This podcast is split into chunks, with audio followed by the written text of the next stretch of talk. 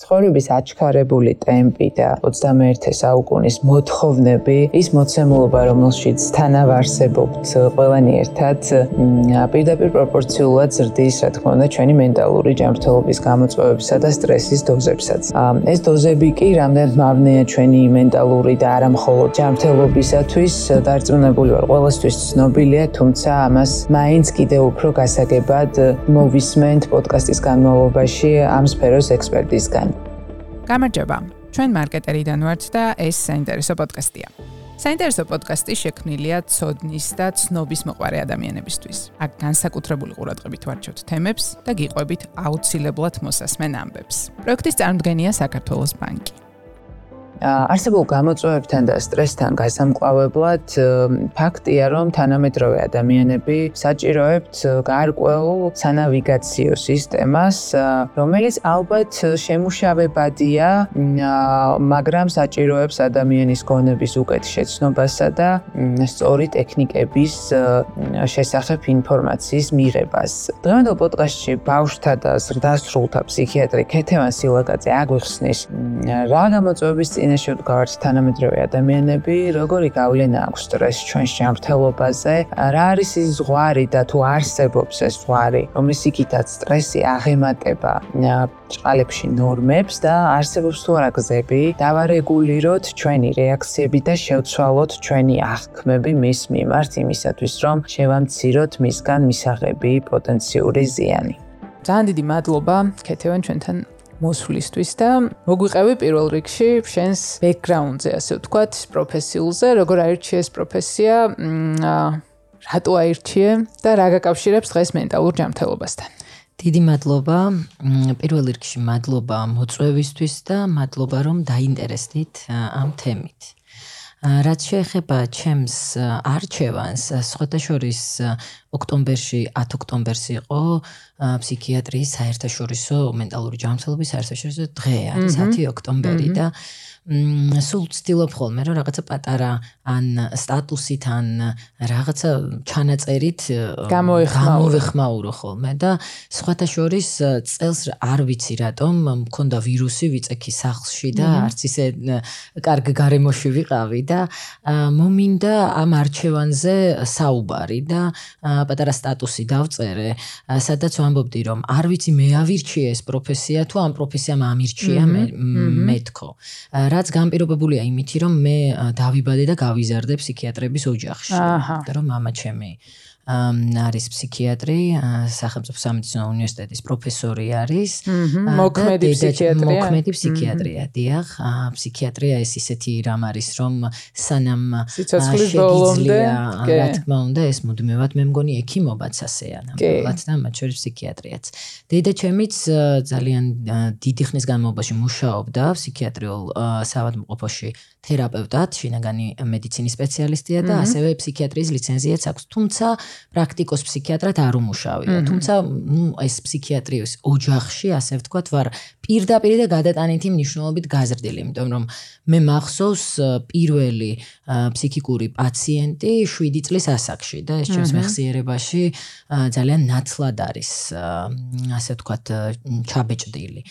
და ნუ ეს იყო ჩემთვის პრაქტიკულად ორგანული, იმიტომ რომ ჩემი მშობლების მეგობრები ძალიან ბევრი ფსიქიატრი იყო და ჩემთვის ერთის მხრივ ეს იყო ძალიან ჩვეული, იმიტომ რომ ფსიქიატრიის მიმართულების არჩევა გარკვეული მიზეზებიდან გამომდინარეობს, ხო? ეს შემთხვევით ნაკლებად ხდება. მე ნაკლებად ვიცნობ ადამიანს, რომელიც შემთხვევით არის მოხვედრილი ჩვენს დარგში მედიცინიდან. ჩემი ჩაბარებაც საკმაოდ ადრეულ ასაკში მოხდა და ადრეულ ასაკში მომიწია, ასე ვთქვათ, მაშინ ჩვენს დროს ყოველ შემთხვევაში 11 კლასს ვასრულებდით და მე ნაადრევად ვარ შესული სკოლაში ჩემს ძმასთან ერთად და მან ძალიან დიახ ასეთი ასეთი ამ გადმოსახედით ნამდვილად არ არის ეს მართებული, თუმცა ნუ ასე მოხდა სხვადასხვა მიზეზებიდან გამომდინარე და ნუ მაშინ როდესაც ჩემს ძმას ძალიან მყარად ქონდა უკვე მესამე კლასში გადაწყვეტილი რომ ექიმობა უნდა და მე ნამდვილად იმ დროსაც კი როდესაც ეს არჩევანი უნდა გამეკეთებინა ესეთი სიმყარე ნამდვილად არ მქონდა. თუმცა ალბათ აი ოჯახურმა გარემოებამ მიმიზი და ეს ადამიანები ჩემთვის იყვნენ ძალიან მიმზიდველები და მინდა ვთქვა რომ ავტორიტეტულებიც იმიტომ რომ მე მომწონდა მათი საუბარი მათი აზროვნება და ვთვლიდი რომ გარკვეულწილად ეს პროფესიიდანაც გამომდინარეობს. ამიტომ ჩავაბარეს ამთან თან ძალიან ბევრი ადამიანი ჩემთვის საყვარელი აბარებდა სამედიცინოზე და ვიფიქრე რომ არ იქნებოდა ურიგო რომ მეც მეცადა ეს. იყო რა თქმა უნდა სირთულეები, იმიტომ რომ მე რო ჩავაბარე სამედიცინოზე ცოტა სხვა მოლოდინები მქონდა და უცებ ძალიან შემეშინდა რომ არის თუ არა ეს ის რაც მინდა და ვარ თუ არა დარწმუნებული, თუმცა ძალიან მალე დავარწმუნე ჩემი თავი რომ ამ აზრის ცვლილება თუ ეს მომინდა, ეს შესაძლებელია და ეს არც სირცხვილია და არც დანაშაული და ეს დრო დაკარგულ დროდ არ იქნებოდა მიჩნეული. დროთა განმავლობაში გამიღვივდა საბედნიეროდ, ასე ვთქვათ, ინტერესი ფსიქიატრიის მიმართ, ბუნებრივია რომ მთელი სტუდენტობის განმავლობაში არ შემიცვლია მე ეს აზრი და მე უკვე დავიწყე მას შემდეგ რაც უნივერსიტეტი დავამთავრე, უკვე იმ პერიოდიდან და იმ დღიდან მე ვმუშაობ, ასე ვთქვათ, ამ სიტყვას ვიყენებ ხოლმე მუშაობას, იმიტომ რომ ეს ეს მხოლოდ სწავლა არ არის, იმიტომ რომ სწავლა და მუშაობა ექიმისთვის მე ვფიქრობ, რომ ერთი და იგივე პრაქტიკულად სინონიმს ნიშნავს, იმიტომ რომ დღემდე მე ვმუშაობ და ვსწავლობ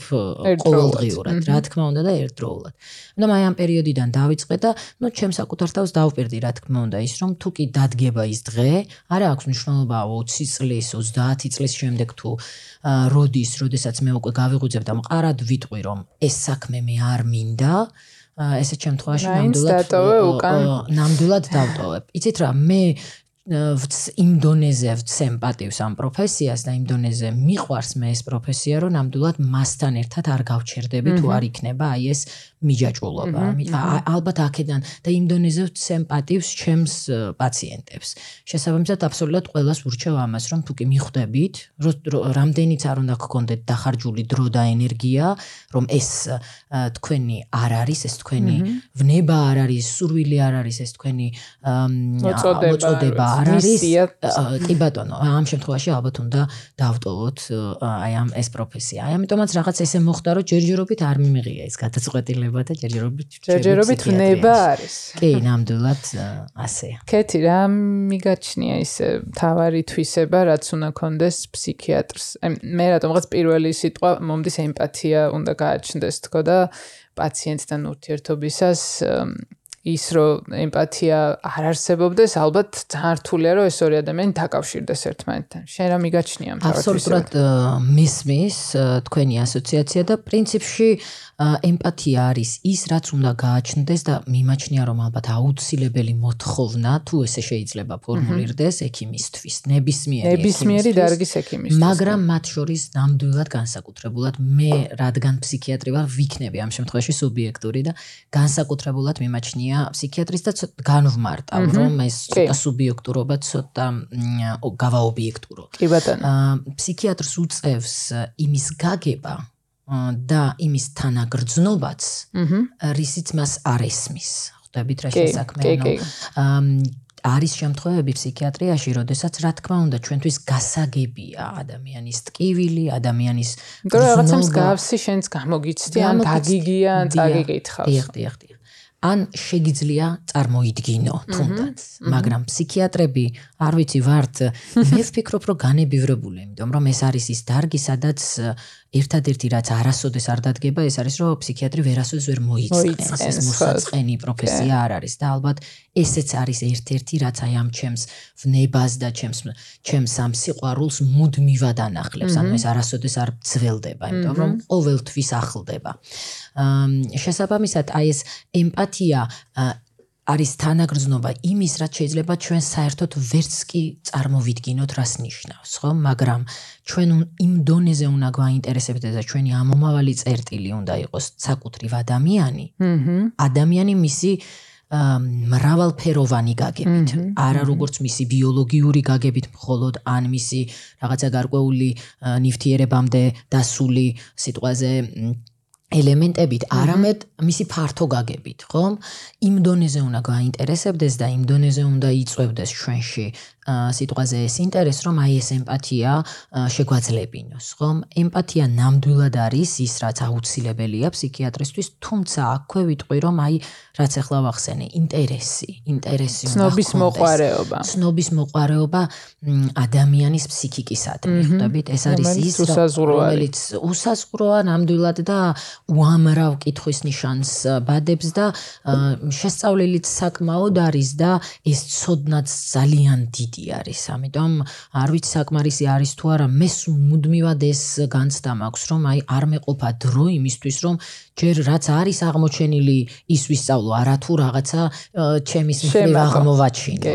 ამიტომ ალბათ აი ეს აუცილებელი არის გაინტერესებდეს, შენთვის ღირებული იყოს ადამიანი და აქვე დავამატებ კომუნიკაცია, ხო? აი ეს კომუნიკაციური უნარი, რომელიც ვფიქრობ, რომ ფსიქიატრი აუცილებლად უნდა ფლობდეს ამას, იმიტომ რომ სიტყვა არის ის ძალა, რომელიც რომელსაც შეიძლება ჰქონდეს გარკვეული რაღაცა სიმბოლური ძალა, თუმცა ის შეიძლება წარმოადგენდეს ერთის მხრივ როგორც გამაჯანსაღებელ, ასევე დამანგრეველ ფუნქციას. ამიტომ ძალიან დიდი მნიშვნელობა აქვს აი ამ უნარს ვფლობდეთ და გქონდეს შეგნება რომ ეს უნდა დავხვეწოთ. ამიტომ აი აი ესენი მიმაჩნია ყოველ შემთხვევაში ახლა რაც მომივიდა თავში. კი კი, გეთანხმები აბსოლუტურად ძალიან ბევრჯერ მსმენია მეც რაღაცა კმაყოფილებაც და უკმაყოფილებაც პაციენტების გადმოსახედიდან და აი ზუსტად ამ სიტყვებს თითო სიტყვას აქვს ხოლმე ზოგჯერ ძალიან გადამწყვეტი მნიშვნელობა შეიძლება ისეთი რაღაც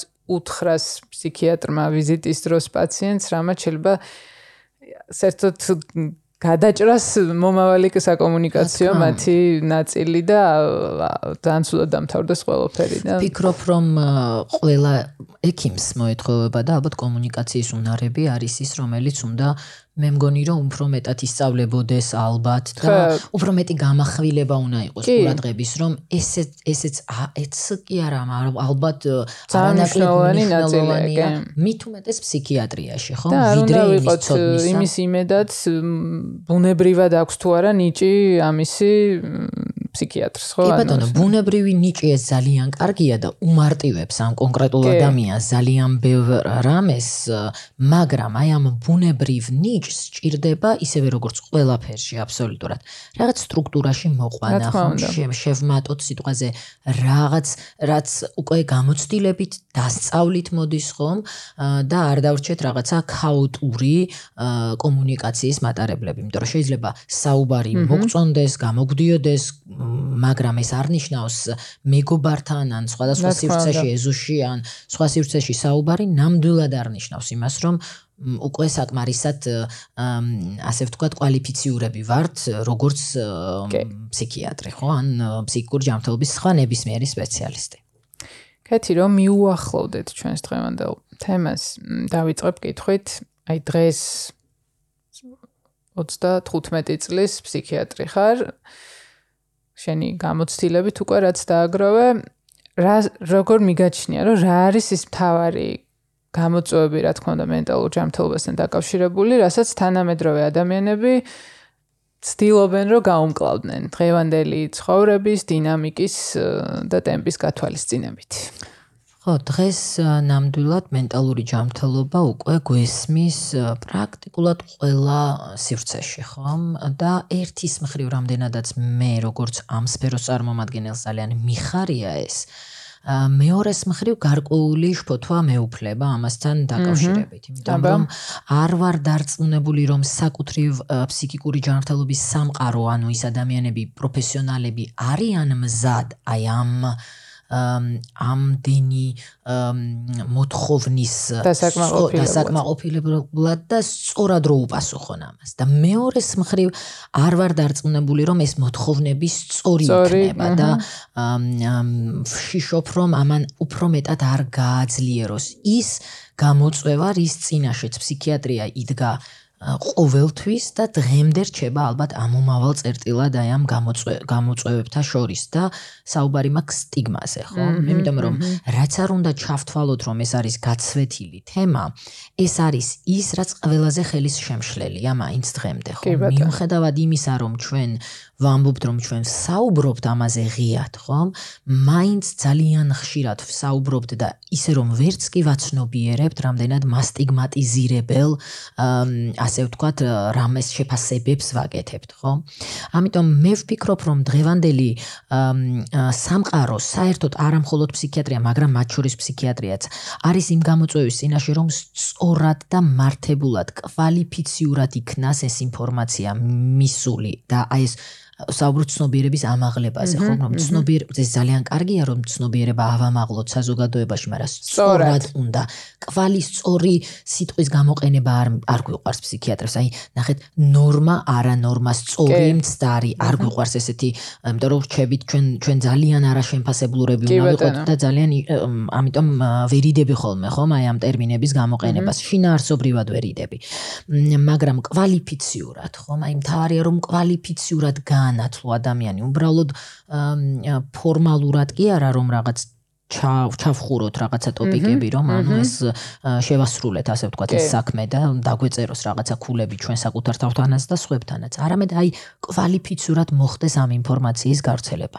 სწორედ აი მსგავსი შეხვედრები, როგორიც მე თქვენთან მაქვს, მე იმიტომ მუდმივად ვცდილობ, რომ ხელიდან არ გაუშვა ეს საშუალება და ყველა ჩემს კოლეგას მოუწოდებ, ვისაც აქვს ძალიან სწორი ხედვა და საბედნიეროდ ძალიან ბევრ თანამედროვე საქართველოსში ძალიან ბევრ ადამიანს, მათ შორის იმ ადამიანებსაც, რომლებსაც ასე ვთქვათ, საყვედურობთ თითქოს თანამედროვე ხედვები არ აქვს. მე ვგულისხმობ ადამიანებს, რომლებიც უკვე ასაკიანი და ძველი თაობა, რომელსაც აქვს არაჩვეულებრივი ხედვა, გამოცდილება და ეს უბრალოდ ძალიან დასანანია. მე ფუფუნებაში ვარ, რომ მათ გამოცდილებას ყოველდღიურად ვიზიარებ, იმიტომ რომ მე უშუალო კოლეგები მაქვს, ვისთან მყავს, ვისთან ერთადაც ვმუშაობ, რომელსაც ჩემი ასაკის უბრალოდ და მეტი კიდე გამოცდილება აქვს. ეს არის საგანძური, რომელიც აუცილებლად უნდა გამოიყენო და მანდატურად ენაზე შენს ენაზე და იმ ენაზე რომელსაც შენს თაობას და შემდგომ თაობას ესმის გაუზიარო. აი ეს გაზიარება, ხომ? და ეს რთული ამბავია, იმიტომ რომ დღევანდელ ცხოვრებაში ჩვენ გვაქვს ერთი უმთავრესი რამის დეფიციტი და ეს არის დრო. ყველას გვაქვს დროის დეფიციტი და აღარ ვიცით როგორ გადავანაწილოთ ეს დრო. შესაბამისად იმის დროის გამონახვა რომ და აი მე და თქვენც გქონდა როგორი სირთულე მიუხედავად იმისა რომ ჩემთვის ყველა მსგავსი შემოთავაზება არის სასიხარულო, იმიტომ რომ მეძლევა მე პლატფორმა რომ ადამიანებს გავესაუბრო იმ თემაზე რომელიც მე მიყვარს, მაინტერესებს და ვთვლი რომ აუცილებელია, ძალიან გამიჭირდა ხომ? აი უცბად დაორგანიზება ამ საკითხის და ძალიან წუხვა რომ სამწუხაროდ ეს არ ვიცი სამწუხაროდ საბედნიეროდ, მაგრამ ნუ აჩქარდა ცხოვრება და იმ ტემპის არის, რომ ეს ყველაფერი უფრო გართულებულია. თუმცა ამასთან უნდა ვადაპტირდეთ და მე ვფიქრობ, რომ უნდა მნიშვნელობა მივანიჭოთ, რამდენად მნიშვნელოვანია ამაზე სწორად კვალიფიციურად საუბარი. გასაგებად, აი ესე ძალიან მნიშვნელოვანია. ზუსტად ამიტომ მოგიწვიეთ შენ. რო გვაქვს ამის იმედი, რომ კვალიფიციური ინფორმაცია მივამს მენელამდე. კეთი დროის უქონლობა ახსენე, რაც ალბათ ერთ-ერთი სტრეს სტრესორი არის ჩემთვის პირადად, ალბათ შენთვისაც და მივადექით ჩვენს ერთ-ერთ თავარ თემას, რომელიც არის სტრესთან გამკლავება და სტრესი თავად. მმ შენი აზრით, დღეს ვფიქრობდი ამაზე, სანამ აქ მოვიდოდი. მმ თუ არის თუ შეგვიძლია ესე შევაფასოთ, რომ თანამედროვე ადამიანის ცხოვრება უფრო სტრესული არის, ვიდრე ეს იყო, თქვათ, ჩვენი ბებიების, ბაბუების, ალბათ აი უფრო იმ იმ დროს ვახსენებ, სანამ ტექნოლოგიები ესე ძალიან განვითარდებოდა და ესე ტემპი საჩქარება, ესეთი ხელშესახები იქნებოდა. შეგვიძლია ეს ვთქვათ, იმიტომ რომ მე მაგალითად ბებია ჩემთან საუბრისას გამომიყენები ეს არგუმენტი, რომ შენი ცხოვრება სხვა იყო, ჩვენი ცხოვრება სხვა არის, სხვა პასუხისგებლობებით, სხვა ტემპით. შეგვიძლია ესე შევაფასოთ? ძალიან საინტერესო აზრი მომივიდა. მე ძალიან ხშირად მიმიღია ასე ვთქვათ ეს შეკითხვა და ჩემი პასუხი იყო ყოველმა ყოველთვის ძალიან მკაფიო, რომ რა თქმა უნდა დღევანდელი ადამიანის ცხოვრება არის უკიდურესად სტრესული და ყოველთვის ამას გარკვეულწილ პასუხისგებლობას ამ შემთხვევაში ვაკისრებდი აი ამ ტექნოლოგიურ, ასე ვთქვათ, რევოლუციას, რომელიც ხდება ჩვენს გარშემო. და ამ თემას დაუბრუნდებით, მაგრამ უცებ მომივიდა ეს აზრი და ძალიან მინდა რომ გაგიზიაროთ. რომ აი მე აუცილებლად მიკითხავს და დავფიქრებულ ვარ ჩემი მშობლების და ბებიების უფრო მეტად ცხოვრებაზე რომ ისინი ცხოვრობდნენ იმ გარემოში, სადაც არ იყო მაგალითად სარეცხის მანქანა და უცებ დავფიქრებულ ვარ, განსაკუთრებით ძალიან დიდი რაოდენობით სარეცხი როცა გვაქვს და როდესაც ყავს არ ვიცი, მე მგონი ადამიანი, რომელიც გვეხმარება და არაფერს არ საჭიროებს ელემენტარული რაღაც ამ სარეცხის შეყრა გამოყრის გარდა, ხო? და წარმოდგენ წარმოვიდგენ ხოლმე რომ.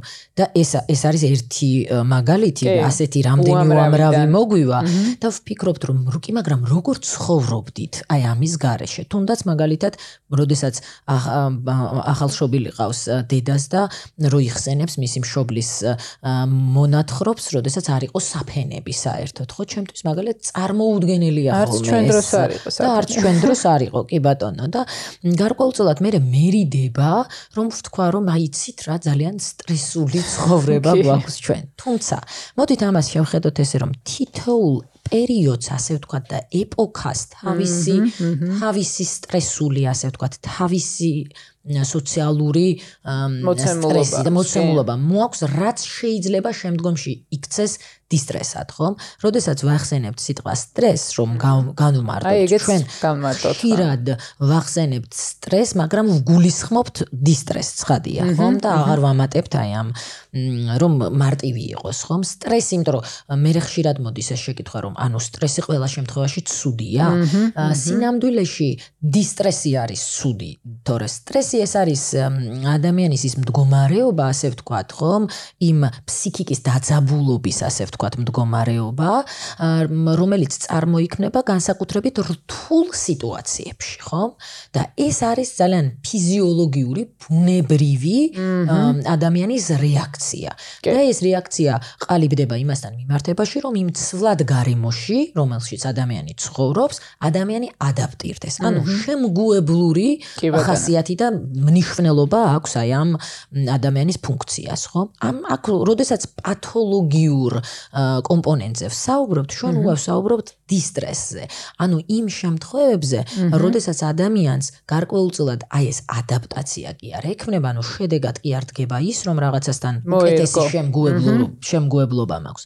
არამედ, როდესაც მერღვევა მე ფუნქციონირება, ანუ რაღაცა გარკვეული გარემოებები ჩემი პასუხი და შედეგად მიღებული დისფუნქცია. აი ეს არის ესეთი მარტივი ფორმულა იმ დისტრესის, რომელზეც ჩვენ ძალიან ხშირად ვახსენებთ. ახლა ამ შემთხვევაში თავისთავად მაგალითად ნებისმიერი მაგალითად დღევანდელ დღეს ნუ თბილისში განსაკუთრებით თბილისზე მაქვს საუბარი, მაგრამ მე მგონი რომ სხვა ქალაქებიც დგას უკვე ამის ამ პრობლემის წინაშე, როგორც არის სასოფები, ხო? ეს მე მგონი იქცა თანამედროვე ქალაქში განსაკუთრებით მცხოვრები ადამიანი ადამიანის მუდმივ სტრესად, ხო? თუმცა, დამერსმულად არიან ადამიანები, ვინც ამას სხვაგვარად ხვდებიან, ასე ვთქვათ, არიან ადამიანები, რომლებიც ძალიან მწვავედ რეაგირებენ. ხო, მაი მაგალითად, ჩემთვის ეს საკმაოდ რთულად გასაძლები, ასე ვთქვათ, გარემოება, რის გამოც მე მაგალითად უარს ვამბობ, ვმართო, ასე ვთქვათ, ქალაქში ავტომობილი. და გამოვიყენო საზოგადოებრივი ტრანსპორტი, რომელიც ასევე ატარებს გარკვეულ სტრესს, თუმცა ჩემთვის, როდესაც მე შევეცადე, ასე ვთქვათ, რომ მოვგებოდი, გაცილებით უფრო მარტივად ადაპტაცია გამიცადე აი ამ მეორე შემთხვევაში, ხომ?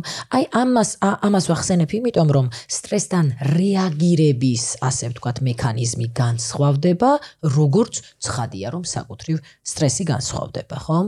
აი რა განაპირობებს ამ სხვადასხვა რეაქციებს ადამიანებში სტრესების მიმართ.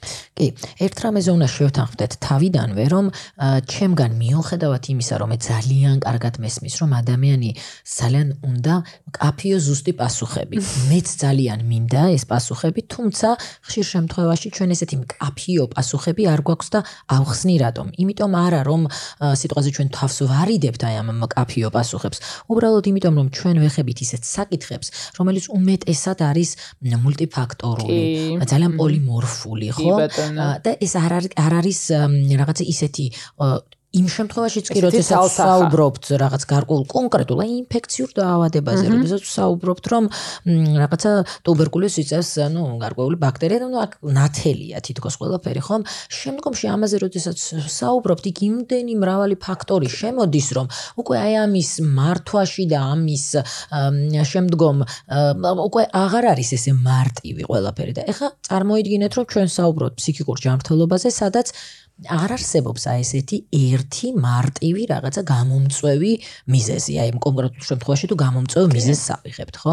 ამიტომ ჩემი პასუხები შეიძლება იყოს უფრო ზოგადი, მაგრამ ეს იმას არ ნიშნავს, რომ თავს ვარიდებ ასევე ასე ვთქვათ კონკრეტიზაციას, უბრალოდ ეს გარკვეულწილად გამორიცხავს აი ამ ფართო ხედვას და ფართო ხედვა ძალიან მნიშვნელოვანია ამ შემთხვევაში. ხარად შეეხებათ რა არის რა რა ფაქტორები არის, რომელზეც დამოკიდებულია ადამიანის პასუხი, ხომ? აი ამ გარკვეულ სტრესთან, იმიტომ რომ აი როგორც უკვე ვახსენე, საცობი საცობი შეიძლება იყოს ერთი საერთო მოვლენა თქვენთვისაც, ჩემთვისაც და სხვა ადამიანებისთვისაც, მაგრამ ვიღაცა ამის შედეგად შეიძლება განუვითარდეს გარკვეული დისფუნქცია, მეორეს ნაკლები. ცხადია რომ პირველი ბუნებრივია რომ ეს სტრესზე პასუხი დამოკიდებული არის საკუთრივ სტრესის ინტენსიობასა და მის ბუნებაზე, ხო? მაგალითად იმაზე რომ თუნდაც, ну, გადავეკიდე ხა ამ საცობს, მაგრამ მაინც ჯერჯერობით დავჭერ. სწორი მაგალითი არის მას. რამდენი ხანი ვჩერდები ამ საცობს? სად მეჩქარება? სად მეჩქარება მაგალითად? და კიდე უამრავი ფაქტორი, ხო? ვინ ვარ? რა საკდავიბადე? უდა კიდე აი ეს უკვე ნახეთ თქვენ უკვე წახვედით ინდივიდუალურ ფაქტორზე. ჯერ მარტო ზოგადი ფაქტორია იმდენი, სანამ ინდივიდუალურ ფაქტორებს ჩამოვთვლით, ხო? რა მანქანით მგზავრობ და აქედან რომელიც არ არის ჩემი ინდივიდუალური ფაქტორი, არამედ არის ის გარემოება რომელშიც ვარ, ხო? კი. ვისთან ერთად მგზავრობ და აი ასე შემდეგ, ხო? რამდენი ხანი თუნდაც ვჩერდები ერთ ადგილზე გაჩერებული, ან თუნდაც 5 კმ/სთ სიჩქარით მივიწევ თუ არ და ასე შემდეგ. ეხა უკვე მოდის ინდივიდუალური პიროვნული ფაქტორები, რომელიც არის, ну, არ ვიცი, უამრავი დაწყებული ადამიანის სტრუქტურიდან, ხო, რა სტრუქტურის არის ეს ადამიანი, ხო, როგორი ფსიქიკური წყობას ვეძახით, ხო, ჩვენ სპეციალისტები, როგორი ფსიქიკური წყობის არის, რამდენად აქვს მას ეს ბუნებრივად და რამდენად აი ამ ცხოვრებისეულმა გამოსილებამ, აი ამ წარსულმა ანამნეზი როგორი აქვს, ხომ, აი ამ პიროვნული ასე ვთქვათ, განვითარებისა და მისი პიროვნულობის, ხო? აი ეს ყველაფერი განაპირობებს და კიდევ ის ფაქტორი, რომელზეც მე მაგალითად არ მაქვს ცოდნა, ხო? ალბათ გარკვეული ბიოლოგიური ნაწილიც, ხო? და იქნება aseti რამაც, რომ აი რაღაცა კონკრეტულ შემთხვევაში კონკრეტული ნივთიერებების გადმოსროლა. მაგალითად, მაგალითი რომ მოვიყვანოთ და ქალები აი ამ შემთხვევაში ძალიან კარგად გამიგებენ, როგორც არის პრედმენსტრუალური მდგომარეობები. უკვე როგორც სინდრომი შეიძლება არ იყოს ჩამოყალიბებული როგორც PMS-ი, მაგრამ ну, ყოველ შემთხვევაში აი ეს წინა პერიოდი, როდესაც გარკვეული ჰორმონალური ცვლილებები აქვს ადამიანს და რაც ბუნებრივ უკვე ვიცით ყველა მაგას აღარც გვჭირდება არაფრის მტკიცებულება და წაკითხვა ჩვენს თავზე გვაქვს გამოსვლილი რომ რაღაც კონკრეტულ შემთხვევაში შეიძლება შეცვალოს ჩვენი დამოკიდებულებები. თუ ერთ შემთხვევაში ვღიზიანდებოდით რაღაცაზე მეორე შემთხვევაში შეიძლება ამაზე არ გავღიზიანდეთ და დავაკავშიროთ ასე ვთქვათ ამ მდგომარეობას. საცობი ძალიან სწორად ახსენე ჩემი აზრით, იმიტომ რომ მithქვამს კიდეც, გამიზიარებია კიდეც მეგობრებისთვის, რომ აი საცობში ვგრძნობ ხოლმე, ჯერთ ჩემზეც ძალიან ცუდად მოქმედებს, იმიტომ რომ აი ეს დროის უქონლობა, რომელსაც ისედაც ვებძვით და ვცდილობთ გავუმკლავდეთ, რომ რაღაცნაირად სწორად გადავანაწილოთ ეს დრო, რომელიც არ ყოფნის არაზრს და პლუს ხვდები, რომ სადღაც ატარებს ზოგჯერ საათზე მეც უძრაობაში და ну რაღაცები იქაც ადაპტაციები გავიართ რომ ზოგი პოდკასტს უსმენს ზოგი ლეპტოპს ხსნის მეც გამიხსნია ლეპტოპი რაღაცა საქმებს იშორებ. რაღაცნაირად ადაპტაციებსაც ვაკეთებს მაგრამ ყველაზე მეტად ჩემთვის იგრძნობა ხოლმე საცობში განსაკუთრებით დღის ბოლოს. რაღაცნაირი ენერგეტიკული ველია ხოლმე დაძაბული, ირგვლივ ერთიანი და აი სიგნალების შეძახილების რაღაცა განერვიულებულობა ადამიანების გაღიზიანებადობა აი თითქოს ერთიანდება ყოველთვის ეს დიდი მუხტი იგრძნობა ჰაერში და ამიტომ ძალიან სწორი მაგალითი არის ჩემი აზრით საცობი, იმიტომ რომ ყოველას ძალიან ნერვებს გვიშლის და და ძალიან ისეთი სტრესის გამომწვევი ძალიან ნათელი მაგალითია, იმიტომ რომ ისეთ ადამიანებშიც კი რომელთა ფსიქიკა პათოლოგიის მატარებელი არ არის და ასე თუ ისე კომპენსირებულები არიან, შეიძლება აბსოლუტურად დააკარგინოს წონასწორობა. რატომ? იმიტომ რომ აბსოლუტურად სწორად ახსენეთ. დღეს მოთხოვნა არის, რომ ძალიან ცოტა დრო გაქვს და ძალიან ბევრი გაქვს გასაკეთებელი და აი ყველაზე დიდად დიდ სტრესად რაც ადამიანს დღეს შეიძლება ისახებოდეს ეს არის დროის უქონლობა რაც ძალიან ნათლად აისახება. თუნდაც მე ბავშვთა და მოზარდ და ფსიქიატრი ვარ და ძალიან ხშირად ჩემს ყოველდღიურ პრაქტიკაში სწორედ ბავშვთა და მოზარდთა შემთხვევები მხვდება სადაც ერთ-ერთ წამყვან სირთულეს და და მასტრეს სირებელ ფაქტორს წარმოადგენს სწორედ ეს დროის უქონლობა ხო? მე იმიტომ რომ მუდმივი გაწერილი. დილით იქ და მე გვიხსენებ რომ კი მაგრამ ჩვენ როგორ ცხოვრობდით? ჩვენს დროს იმიტომ რომ ჩვენც არ ვიყავით თითქოს ზულზულები ძალიან მოცლილები მაგრამ ხანდახან რომ ვისმენ ეს ბავშვები ყოველდღიურ რეჟიმს ხო მათ შორის ჩემი ოჯახის წევრებისაც. მე მოსმენით ვარ ხოლმე ხანდახან დათრგუნული და ხა წარმომიდგენია ამ ბავშვების მდგომარეობა და სულ ამას ვკითხულობ რომ აი საკუთარი თავისთვის დრო როდის რჩება ამ ადამიანს. ხო, აქ ბავშვზე უბრალოდ მაგალითად მოვაყვანე ზრდასრულსაც ზუსტად იგივე ეკუთვნის. კი და ეს ყველაფერი რამდენად სწორია, ბჭრალებში ვიტყვის. მეც არ მიყვარს ძალიან ეგ სიტყვა, როგორ ჩვენ და რამდენ სწორ გზას ვადგავართ ესე დიდ სურათში განვითარების, კაცმა არ იცის. მაგას ალბათ ყველა ერთად ვნახავთ. კეთი, გაზომვადია თუ არა სტრესი და რითი უნდა მივხვდეთ, რომ აი სტრესის დოზა უკვე რაღაცნაირად არაჯანსაღი ხდება და ძალიან ზიანის მომტანი ჩვენთვის აი რა სიმპტომებმა შეიძლება მიგვანიშნოს ამაზე. ხო, აი გაზომვა საერთოდ ფსიქიკურ ჯანმრთელობაში ძალიან გვიჭირს. იმიტომ რომ და ნორმის გამოყვანა ძალიან სუბი ინდივიდუალური სუბიექტური ინდივიდუალურია ძალიან, ხო? იმიტომ რომ ყველა ადამიანი როგორც გითხარით, განსხვავდება აი ამ თავისი მრავ პიროვნულობით, გარემოთი და ასე შემდეგ და შესაბამისად აი ის თუ ერთი მოვლენა შეიძლება რომ ერთისთვის იყოს დისტრესის მომტანი, მეორე შემთხვევაში შეიძლება ამ ოდენობის, ასე ვთქვათ, და რაოდენობის მოვლენა ნაკლებად ნაკლებად ზიანს აყენებდეს ადამიანს. ამ შემთხვევაში შეიძლება გავზომოთ საკუთრივ რეაქცია, სიმპტომებით, ხო? თვითონ სიმპტომების ხარისხი, ინტენსიობა და ის თუ რა დონეზე აზიანებს ადამიანის ფუნქციონირებას. აი ეს უფრო მეტად არის გაზომვადი, ასე ვთქვათ, ვიდრე ზოგადად სტრესი. თუმცა კიდევ ერთხელ საუბროდესაც ჩვენ გვეძლევა ამის საშუალება, ხო, და მათ შორის ძირითადად ფსიქოთერაპია პიული სამუშაოა ეს. ამ შემთხვევაში რა თქმა უნდა ისიც კი არის ზომება უბრალოდ ისიც განიხილება, ხო? და გაანალიზდება თუ ეს კონკრეტული სტრესი მისთვის რატო ეს კონკრეტული მოვლენა უბრალოდ მისთვის რატო აღმოჩნდა? აი ასეთი დამსტრესავი ასე თქვა აი ამაზე შეიძლება უკვე შემდგომ თერაპიულ პროცესში ვისაუბროთ მაგრამ უფრო გვზომავთ იმას რომ რა ხარისხის დისფუნქცია ხდება ჩვენ შემთხვევაში ხო? იმიტომ რომ რეალურად ჩვენ უნდა ვუპასუხოთ და ჩვენ შეგვიძლია მივმართოთ ჩვენი ძალები იმისკენ რომ ადამიანს დავეხმაროთ სწორ რეაგირებაში ხო? ჩვენ ვერ შევცვლით, ახლა როგორც არ უნდა გვინდოდეს ფსიქიკურ ჯანმრთელობის სპეციალისტებს, არ მოგონია რომ ხელგვეწიფებოდეს საცობების მოხსნის პრობლემა. ნუ ეს ეს თუ ამას თუ შევძლებ, ნამდვილად ძალიან ყოფილი ვიქნები და ნუ ალბათ მივიღებ ზეგს აი ამ დარგში.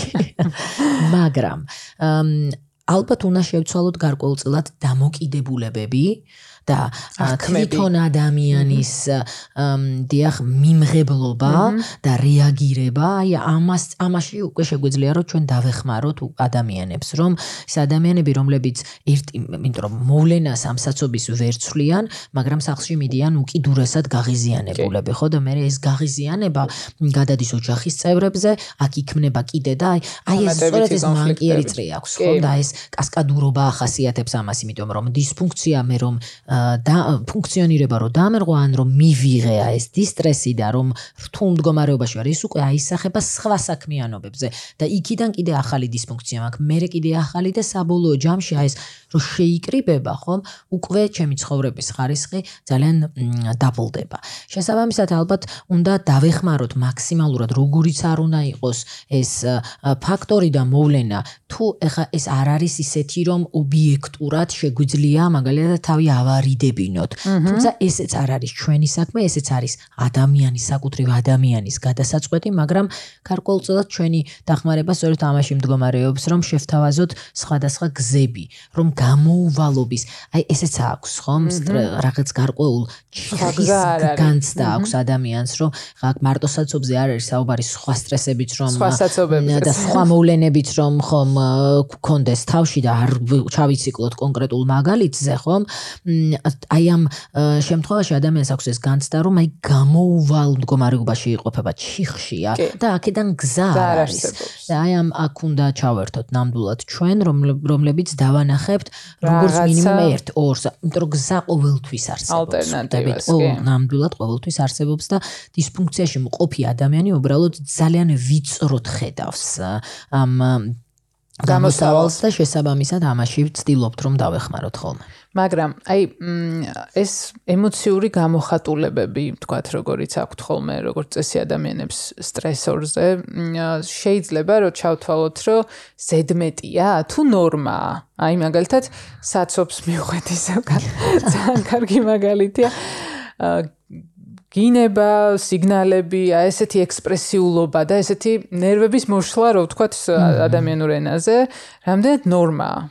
იცით რა, აქაც დავრჩები აი ესე ჩემი პრინციპების ერთგული და არ შევაფასებ ნორმას და არა ნორმას. თუმცა ვიტყვი ერთ რამეს, რომ ბუნებრივია, როდესაც ადამიანს უკვე დაეუფლება ემოცია გაღიზიანების, ეს გაღიზიანების ემოცია გარკვეულწილად უნდა გამოიხატოს, ხო, რაღაც ის ერთ შემთხვევაში შეიძლება რაღაცა ფორმით უნდა გამოიხატოს, თუ ამას თუ ეს არ გამოიხატა სიტყვაზე ექსპრესიულად, ეს შეიძლება გამოიხატოს რაღაცა უფრო შიგნით, ასე ვთქვათ, დიახ და ნუ შემდგომში შეიძლება გარკვეულ ფსიქოსომატურ მდგომარეობებთან არა ცხადია რომ აქ უკვე დავა არ არის რომელი უარესია, იმიტომ რომ ემოციის გამოხატვა უკვე კარგია.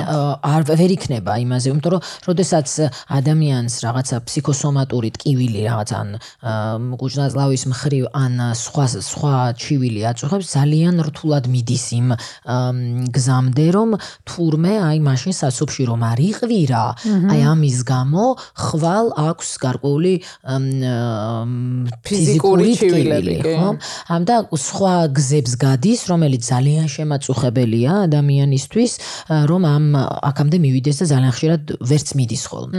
ამიტომ გამოხატვა რა თქმა უნდა ცუდი არ არის და სულ ამას ვამბობთ რომ პირიქით ეს ძალიან კარგია როცა ემოცი ემოცია იბადება, უკვე თუ დაიბადა ეს გაღიზიანების ემოცია, ამას გარკვეული გამოხატვა სჭირდება. აქ მოდი ვისაუბროთ, რა ფორმით შეიძლება ეს გამოიხატოს, ხომ? ნახეთ, თუ კი ის ფორმა, რომლითაც გამოიხატება, მოუტანს ადამიანს გაცილებით უფრო მეტ ზიანს, ხო? მაგალითად, მიაყენებს შეურაცხყოფას და იქიდან საპირისპირო პასუხსაც მიიღებს და შემდგომში ეს გადავა ხელჩართულ ბრძოლაში და ორივე მხარე ამოყოფს თავს საბადმყოფოში, ხომ? ეს ნამდვილად არ იყო იმისთვის მიმართული და ადაპტაციურ ქცევად ნამდვილად ვერ ჩაითვლება, ხომ? ამიტომ სოციალური კონტექსტი გარკვეულწილად ნაკლებად არის გასათვალისწინებელი, რომ რას გვთავაზო, რამდენად მიიღებს ის საზოგადოება იმ შენი გამოხატვის ფორმას და რა საპასუხო რეაქცია ექნება, რომ თუ მე იმიტომ გამოვხატავ რომ ჩემი განცდები არ დავიტოვო და მე განთავისუფლდა იმიტომ რომ ასე არ შემიძლია. ყოველ შემთხვევაში გონივრული და რაციონალური იქნება რომ ამას არ მოყვეს ის რაც მე კიდე უფრო მეტად დამთრგუნავს ხომ? ამიტომ გარკვეული უკმაყოფილების გამოხატვა მე ძალიან კარგად მესმის და პრინციპში მეც გამომიხატავს ხო და იშვიათად ვიცნობ ადამიანს რომელსაც არ გამოუხატავს ეს მაგრამ და პირიქით ვეუბნები რომ თუ კი ეს იმ დონეზე არ გაქვს დარეგული მოტივირებული რომ გაღიზიანებადობის ემოცია არ გეუფლება ესე შემთხვევაში ნამდვილად უნდა გამოხატო. მაგრამ არის შემთხვევები, როდესაც ადამიანი იმდენად ანუ ადაპტირებული, ანუ მიჩვეული ამას, წინასწარ განწყობილია იმაზე, რომ ნუ მე ამ ნახევარ საათს დავკარგავ, იმიტომ რომ გუშინ გუშინ წინ იმის წინ ეს ასე არის. ამიტომ ნაკლებად ვღიზიანდები აი ამ ჩვეულ სტრესზე, თუ რა თქმა უნდა, კიდე რაღაც ახალი არ დაემატა და მაგალითად გვერდითა ზოლიდან უცებ რომელიმე ადამიანმა არ გადაწყვიტა, რომ მასზე მეტად ეჩქარება.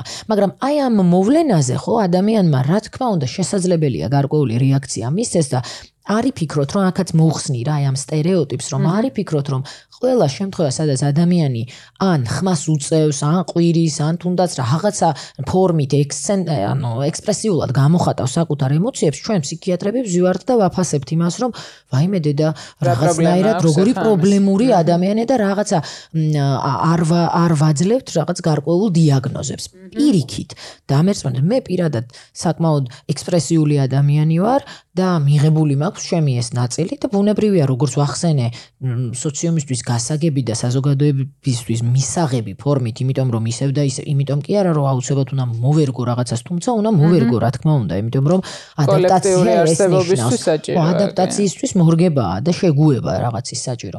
მაგრამ ნამდვილად არ ვამბობ უარს ჩემი ემოციის გამოხატვაზე, იმ შიშით, რომ ვიღაცამ არ იფიქროს, რომ მე რაღაცა დიაგნოზი ან სიმპტომი ან ასე მაქვს. პირიქით, ჩვენ ფსიქიატრები განსხვავებით არაფსიქიკურ ჯანმრთელობაში მომუშავე ადამიანებისა ვცდილობთ, რომ აი ეს სახელები, დიაგნოზები და ამასთან მიბმული стереოტიპები არ მივანიჭოთ ადამიანებს, რომ ვაიმე ეს, თუმცა ახლა ჩვენს გვეშლება, რა თქმა უნდა და გარკვეულწილად ჩვენ ზეპირ სიტყვიერებაში ახლა გაცხარებული ადამიანი შეიძლება რაღაცი ის ფრაზა იხმარო იხმაროს რომ და მიანიჭოს ასე ვთქვათ ეს ავტომატურად თუმცა გაცილებით უფრო ნაკლებად მაგალითად ჩვენ უფრო ნაკლებად ვიყენებთ იმას რომ ეს შეფასებას რომ მე რა ფსიქოპათია ან როგორი არანორმალური ქცევა აქვს და ასე შემდეგ. ნერვიული და ალბათ ნევროზი აქვს ხვდებით და რატომ იმიტომ რომ ეს ჩვენთვის გასაგებია ამ შემთხვევაში თუმცა როგორ გამოხატავს ადამიანი აი ამ ფორმას ხომ? ესე ძალიან ინდივიდუალურია. თუმცა აი ეს თვითონ ის პროცესი ხო ბიოლოგიურ დონეზე მე არ ვიცი მაგდროს რა ხდება ტვინში მაგრამ დარწმუნებული ვარ ძალიან არაჯანსაღი რაღაც და არასასარგებლო რაღაც ხდება, როცა აი ძალიან განერვიულებული ადამიანი, გაღიზიანებული და აი რაღაცებს გრძნობს, არ ვიცი, ადრენალინით თამაშობს მაგ დროს როლს, აი გინებაზე რო გადადის, ჩუბზე რო გადადის, ყვირილზე რო გადადის, იძაბება წითლდება, ხო, ანუ ეგ არ მგონია რომ სასარგებლო იყოს მისი ზოგადი ჯანმრთელობისთვის. სასარგებლო ნახეთ როგორი რაღაცა. ეს უკვე როგორც გითხარით, აი ამ ემოციის წარმოშობას ჩვენს ორგანიზმში თუ შევხედავთ ბიოლოგიური თვალსაზრისით, რა თქმა უნდა, მხოლოდ წინა ბიოლოგიური თვალსაზრისით, თუმცა მხოლოდ ამითი არ უნდა შევხედოთ. რა თქმა უნდა, უდევს გარკვეული ნივთიერებების, როგორც ნეირომედიატორების, იმიტომ რომ აი აგზნებას მაგალითად დოფამინერგული სისტემის აქტივაცია უდევს, ხო? იქ რა თქმა უნდა გამომუშავდება რაღაც აი კორტიზოლი, რომელიც რაღაც სტრესის ჰორმონი, ჰორმონს ეძახით, აა ბუნებრივია, რომ ეს არ არის იმ დროს ჩვენ რატომღაც მიგვაჩნია, რომ ეს მხოლოდ მაშინ ხდება ამის გამომუშავება, როცა ადამიანი ყვირის. სანამ ადამიანი ადამიანი იყვირებს, ეს უკვე გამომუშავდა ყვირილი ამის შედეგია, ასე ვთქვათ, ხო? ეს გამომუშავდა მაშინ, როცა ადამიანმა იგრძნო, რომ ეყვირება, ასე ვთქვათ, და საყვირლადაა საქმე. ყვირილი ეს უკვე ქცევაა, რომელსაც განახორციელებს, იმიტომ რომ სხვანაირად თუ ეს არ გამოხატა ადამიანმა, ხომ? როგორც გითხარით, აი ეს ვეღარ იკავებს თავს. ვეღარ იკავებს, იმიტომ რომ ეს შეკავება მას აუცილებლად სადღაც დაანგრევს. და დაანგრევს ამ კუთხითაც, აი ამ სხვა მხრივ პოვებს ასე ვთქვათ გამოსავალს და ეს გამოსავალი შეიძლება იყოს მაგალითად მეორე დღეს გაურკვეველი მიზეზით ცხელება მაგალითად ან ტკივილის სინდრომის ჩამოყალიბება ხო? მაშინ როდესაც არაფერი არ მიუთითებს ორგანული ასე ვთქვათ საფუძველი რატომ უნდა ჰქონდეს ეს დაზიანება? ამიტომ ამ გამოხატვას რომ ამბობენ რომ კი მაგრამ ეს ხომ მისთვის საზიანოა კიდევ ერთხელ ვსაუბრობ საზიანო რა თქმა უნდა სასურველი არის რომ ყოველას გქონდეს ძალიან მშვიდი ემოციური განსა ღაღიზიანებაც იყოს. მხოლოდ რაღაცა ძალიან მაგრამ გამომდინარე იმ რეალობიდან ესეთ შემთხვევაში არ უნდა იყოს საცობები. და აი იმ გარემოში რომელშიც ვართ ნახეთ ესეც თუ ეს ადაპტაციურია კიდევ ერთხელ ვამბობ თუ ეს ასე ვთქვათ ჩივილი იყო და წუწუნი ყოველ შემთხვევაში. ხო აი მაგალითად სამსახურში რომ მოდის ადამიანი და რომ წუწუნებთ ყოველ დღე ჩვენ ხო ყოველ დღე ვიცით რომ ამსაც რამე ახალი ხო არ ხდება მაგრამ მაინც მოვდივართ სამსახურში და მაინც წუწუნებთ.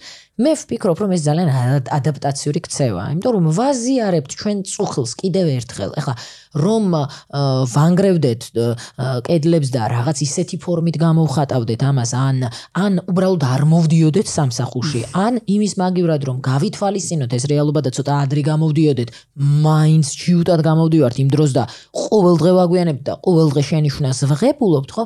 ეს უკვე სხვა მსჯელობის საგანია მაგრამ ის რომ მოვდივართ და დავიწუწუნებთ ხო? მე მიმაჩნია რომ ეს არის გაზიარების კი ბატონო, ეს არის გაზიარება და დამერწმუნეთ ფსიქოთერაპიის ერთ-ერთი წამყვანი სიამოვნება, ასე ვთქვათ, რაც შეიძლება ადამიანმა მიიღოს, ეს არის გაზიარების, აი ამას ვეძახით ემოციურ ვენტილაციას, ხო? ვენტილაციას ძალიან დიდი მნიშვნელობა აქვს. ამის მოაზრება, როგორც ანომალური რეაქცია და იმ ადამიანების სიტყვაზე დამუნათება, რომლებიც გამოხატა აკავენ გარკვეულ რეაქციას. ნამდვილად არასწორია. მეც ასე მიმაჩნია, რომ გაზიარება ძალიან მნიშვნელოვანი რამე, არა მხოლოდ სპეციალისტთან, არამედ მეგობართან, ანუ თანამშრომელთან, ახლობელთან, ძალიან ძალიან დიდი შვების მომგვრელი პროცესი არის ხოლმე.